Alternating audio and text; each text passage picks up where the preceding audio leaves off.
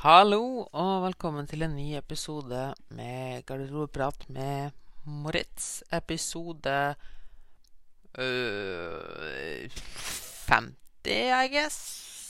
Yay! 49 eller 50. Åh, jeg er så dårlig på dette her med episoder, altså. Um, ja, jeg skulle jo til å si et godt nytt år, men det har jo skjedd litt av hvert. Det blir nok litt sykt for dem som hører på hvis noen hører på denne episoden da, om et halvår eller et år eller kanskje fem år, og hører på hvordan vi har det nå akkurat. Det har jo ja, skjedd litt av hvert med korona, lockdown, storm storming av Kongressen Ja Iskaldt vær. Nei, jeg tror veldig mange fikk en litt annen start på 2021 enn det de hadde forventa. Eh, og vi snakka jo en god del om det i podden i Oloid på fredagen, så den er jo absolutt verdt å sjekke ut. Eh, så jeg tenkte ikke å snakke så mye om det akkurat her og nå i dag. Jeg tenkte å snakke litt mer Eller egentlig tenkte jeg hele denne poden å ta en liten analogi. Fordi som du sikkert har lagt merke til nå, så er det jo Ja, som du har lagt merke til ganske sikkert, så må du jo forandre på planene dine. Og du hadde nok sikkert ganske mange nyttårsforesett, og jeg kan godt tenke meg at noen av dem må du justere litt på. Eller kanskje de løper ut i sanden. Eh, eller du må tilpasse den. Altså, det kan være alt fra trening, mat Ja, når du plutselig hjemmekontor og unger du må passe på, og uten og uten og ditten og datten, og du kan ikke trene på treningssenter lenger. Og masse sånne ting. Og det virker som det blir stukket litt mange kjepper i hjula på oss akkurat nå. Og da skjønner jeg at det kan være vanskelig å holde seg til de nye nyttårsforesettene sine. Um, eller generelt det å jobbe mot målene sine. Og fordi det skjer så mye som Ja, da var det en liten sånn eh, det var så det helt stopper hjernen min, faktisk. Men ja, jeg kan skjønne at det er tungt å fortsette sånn som det er nå, og det virker som at alt bare er dritt og jævlig. Men la meg si én ting. Det hjelper faktisk ikke å klage. Uh, la oss starte med å si det sånn at hvis du vil nå målene dine, så må du bevege distansen 10 km. Det må du bare gjøre. For å nå målet ditt så må du gjøre et arbeid som tilsvarer det å løpe 10 km. La oss si det, da, for å ta en analogi. Og her kan vi se på den gutten, da. En gutt som skal løpe 10 km. Og han begynner ut å løpe, og det er kanskje det veldig mange gjør. Begynner å løpe ganske fort. Når man, begynne man er ivrig, man har lyst til å komme frem. Og man har kanskje ikke tenkt over hvor langt det egentlig er. Så han begynner å løpe ganske fort og blir sliten. Så etter hvert så begynner han å slumpe litt med beina og slurve litt, og så, og så detter han, da, og slår kneet sitt. Så reiser han seg opp igjen og børster av seg støvet og fortsetter å løpe i samme tempo. Og så detter han igjen. Han, nå fikk han litt vondt, og kanskje han slo, slå, Ikke bare ble det blåmerke, men han fikk begynt å blø litt på kneet. Men han reises opp igjen, dedikert som han er, og fortsette å løpe i samme tempo. Og så detter han igjen. Og sånn fortsetter han, da. Igjen og igjen og igjen. Helt til han er så blodslått på knærne at han ikke klarer å løpe lenger. Og det gjør så vondt at han ikke klarer å reise seg opp lenger. Han blir liggende. Han ringer ambulansen, og ambulansen, eller mammaen, for å gjøre det seriøst, kommer og henter han og kjører han hjem igjen. Hva er det som har skjedd her? Jo, den lille gutten her var jo da så ivrig på å komme frem, og tok ikke hensyn til at han ble sliten. Han tok ikke hensyn til at veien var mer utfordrende enn det han trodde, og han falt igjen og igjen. Og han tilpasset seg ikke. Helt til til slutt han ikke klarte å reise seg opp lenger, og ble henta og kjørt hjem igjen. Hva var det som skjedde når han ble kjørt hjem igjen? Jo, de fire kilometerne han hadde lagt bak seg, de forsvant jo bare. Han må jo da starte på nytt igjen neste gang. Og sånn er det veldig mange nyttårsforesett. Vi starter ut veldig, veldig ivrig, eller generelt mål. Vi starter ut veldig, veldig ivrig. Full fart. Og fell én, to, tre, fire, kanskje ti ganger. Fortsett å jobbe oss fremover og fremover og fremover og nærme oss 10-kilometersmerket.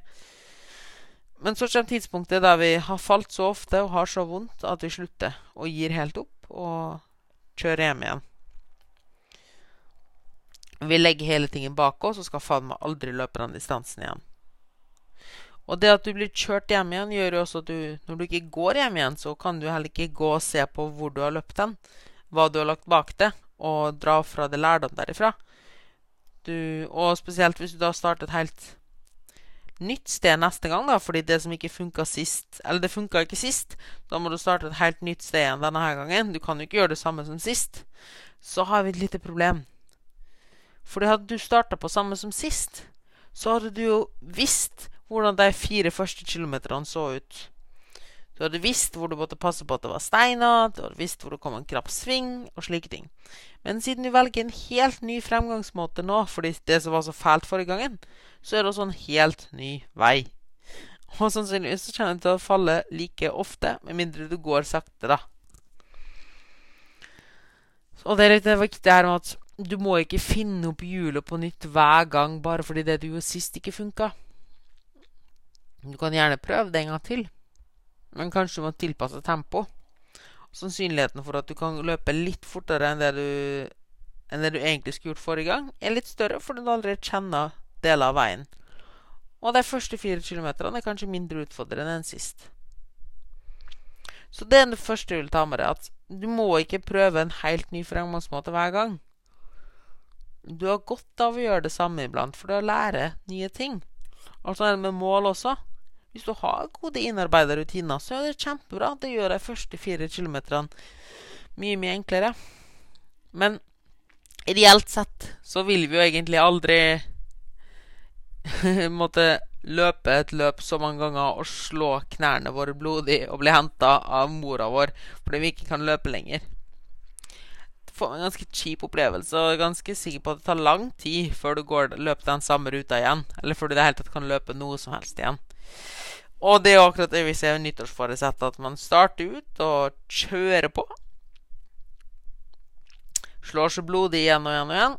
Og så man, blir man så lei og har det så jævlig at man minst venter et år til neste gang. Så hva er det vi egentlig kan gjøre, da, i stedet for å måtte For det er jo veldig tidskrevende og vondt å dette så ofte og bli kjørt hjem igjen. Jo, hva om vi bare senker farten litt og løper litt roligere? Kanskje vi starter ut like fort som forrige gang, men etterpå så løper vi litt roligere.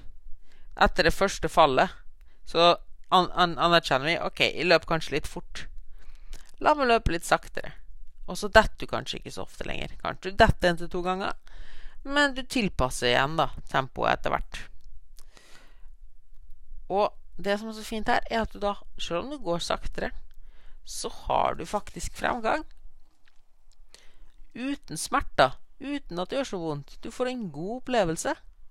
Ja, det tar lengre tid, men det er jo ikke farlig, for du har jo ikke vondt heller. Så hvorfor skal du ikke fortsette å gå sakte? Og sannsynligheten for at du kanskje fortsetter Etter 10 km, når du egentlig hadde nådd målet ditt, fordi du egentlig trives, den er mye, mye større, for da hadde du ikke vondt eller noe som helst. Så hvorfor ikke bare fortsette? Og kanskje du etter hvert kan lære deg å løpe litt raskere. Kanskje kommer et sted der terrenget er mindre ulendt. Så igjen var det det med at det er trivselsbasert, og ja, du tar det lengre tid. Men er det egentlig så farlig, med tanke på at du faktisk kommer fremover, i stedet for å falle igjen og igjen? Fordi ja, vi kan alle være enige om at han gutten som detter igjen og igjen, han jobber jo mye, mye hardere. Eh, og vi har på en eller annen måte den rare oppfatninga av at når vi skal nå et mål, så skal vi jobbe hardest mulig. Alle hadde jo tenkt Hvis de to guttene hadde kommet frem til målstreken samtidig, da For det er også en litt sånn ting at hvis du detter Selv om du spurter, men du detter igjen og igjen og igjen, så kommer du ikke særlig fort fremover. Så hvis de to guttene da kommer samtidig inn i mål Han ene er skamslått som bare pokkeren, og han andre er i helt fin form. Så hadde jo alle beundra han som var skamslått, og ikke tenkt så mye på han som var helt fin. Noe som er helt idiotisk, Fordi de har jo gjort akkurat det samme. De har løpt 10 km begge to. Og de har kommet i mål til samme tid.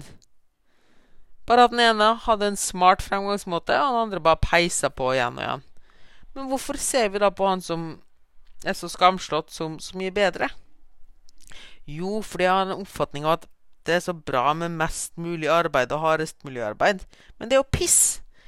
Du kommer jo like langt og fort frem igjen med bare smart arbeid og tilpassa veien. Det er litt det vi vil at du skal tenke på. Ikke tenk at du må jobbe hardest mulig for å nå målene dine. Tenk at du skal jobbe smartest mulig. Fordi sannsynligheten for at du kommer frem like fort, er ganske stor. Forskjellen er bare at du ikke har det jævlig på veien. Så hvorfor for Guds skyld skal du velge den harde veien? Bare for å vise andre 'Å, se hvor harde. Å, se hvor flinke'. Fuck off. Ærlig talt. Så Og for å ta det litt videre, da. Du er ute på den løpeturen din, eller han gutten da er ute på den løpeturen sin, og etter hvert så merker han at terrenget blir ganske ulendt, og været slår om. Og da er det to ting han kan gjøre. Han kan fortsette å løpe i samme fart og med samme klær som før. Han blir pissvåt. Og han slår seg skambanka. Litt sånn som gutten i stad. Det andre vi kan gjøre, er at vi kanskje stopper opp og venter under tre til uværet har lagt seg. Kanskje vi går hjem igjen og skifter klær. Eller kanskje vi har med ei jakke, men vi må bare stoppe opp litt og ta på oss den jakka først. Og så beveger vi oss litt roligere fremover, fordi uværet har gjort at det blir litt møkkete på veien og glatt og ekkelt i det ulente terrenget. Hva er det de vil fremme med dette her? Jo, han ene gutten han tilpasser seg ikke til situasjonen. Han bare durer på, han, og har det ganske jævlig. Og han klager nok ganske mye. 'Å, jævla dritvær. Jævla drittulendt terreng. Å, jævla søppel.' Bla, bla, bla. Mens den andre, han tenkte ja, ja, da begynte det å regne, gitt. For at dette skal bli en trivelig tur, så stopper jeg opp litt og tar på meg regntøyet mitt. Han tilpasser seg til situasjonen, i stedet for å gå rundt og være misfornøyd. Og det er litt det som er hovedbudskapet her i dag, er at tilpass både hva du har med det, altså metoden du bruker, og tempo etter situasjonen. Det at du må tilpasse veien, eller tilpasse tempoet du jobber mot målene dine på, det betyr ikke at du har gått på et nederlag, eller noe som helst, fordi du beveger deg fortsatt fremover. Det er de ti kilometerne du skal bevege deg. Om du gjør det litt saktere, men trives på veien, så er faktisk ikke det så farlig. Så ja, det er en skitt-situasjon vi er i. Det er mye dritt som skjer rundt oss. Men i stedet for å gå rundt og bare klage og syte. Og bare prøve å fortsette, eller i verste fall bare snu og gå hjem, altså det vil si at du gir opp, så kan du heller bare akseptere situasjonen sånn som den er, fordi været i dette løpeeksempelet vårt, eller korona i det ekte eksempelet, kan vi ikke gjøre noe med. Sånn er det bare. Så i stedet for å gå rundt og være misfornøyd og prøve å klamre deg til noe du ikke har, eller noe som ikke er realiteten, så aksepter situasjonen og tilpass deg deretter. Du vil få mye, mye mer trivsel. Og kanskje også innser at det kanskje ikke er rett tid å jobbe med målene dine. Det vil si, kanskje han gutten på en løpetur merker shit, uværet er såpass mye akkurat nå at jeg går heller hjem i akkurat nå. Og ja, da har du en tilbakegang, for å si det sånn. Altså, de ti kilometerne du har gått, så er det jo og du har gått fire kilometer før du snur og går hjem igjen, ja, du har snudd og gått hjem igjen. Du har hatt et tilbakegang. Og det kan være samme når du jobber mot målene dine. Det går helt fint å ha tilbakegang og gå tilbake igjen. Men hva er det den gutten her har gjort? Jo, han går tilbake igjen og husker veien. Han memorerer veien. Han ser ok, her var den steinen, her var den steinen. Og så skriver han kanskje sjøl neste gang må jeg huske å ta med niste. Og husk å ta med gode sko. Regntøy må vi også ha med. Fordi Ja. Ja, det var egentlig bare det. han går, går, tilbake igjen, og når han da starter veien igjen neste gang, så vet han hva han skal ha med seg. Han er mye bedre forberedt fordi han har vært der før. Og mest sannsynligvis så vil de første fire kilometerne igjen være mye, mye lettere å gjennomføre. Og hvis det nå begynner å pissregne igjen, så har han med seg regntøy, for han er forberedt og lærte fra gangen før. Kontra han andre gutten igjen, som bare er dritsur, møkkalei, løp på, går på en smell, faller i koma, blir henta av ambulansen, og kan, får heller ikke engang han, han får minus, altså han får tilbakefall, tilbakegang. Han får jo også minus fire kilometer. La oss si at begge løp fire kilometer. Men han husker jo ikke en drit og har ikke tatt med seg noe lærdom fra veien har gått, fordi mens han løp, så var han bare irritert og sur. og så fikk ikke med seg noe av det som skjedde. Og så falt han jo i koma, så han fikk jo ikke muligheten til å sjekke og reflektere over veien når han reiste hjem igjen heller. Det jeg prøver å si med dette her, som dere sannsynligvis snart har skjønt, er at det at du må gå tilbake igjen, eller tilpasse deg til situasjonen, er ikke nødvendigvis noe tilbakegang.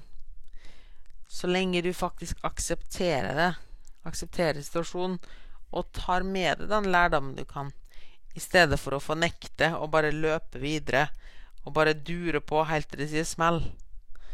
Så ja, det er mye dritt som skjer, men du har også full mulighet til å tilpasse deg og bare det at du tilpasser det, betyr ikke at du får et tilbakegang.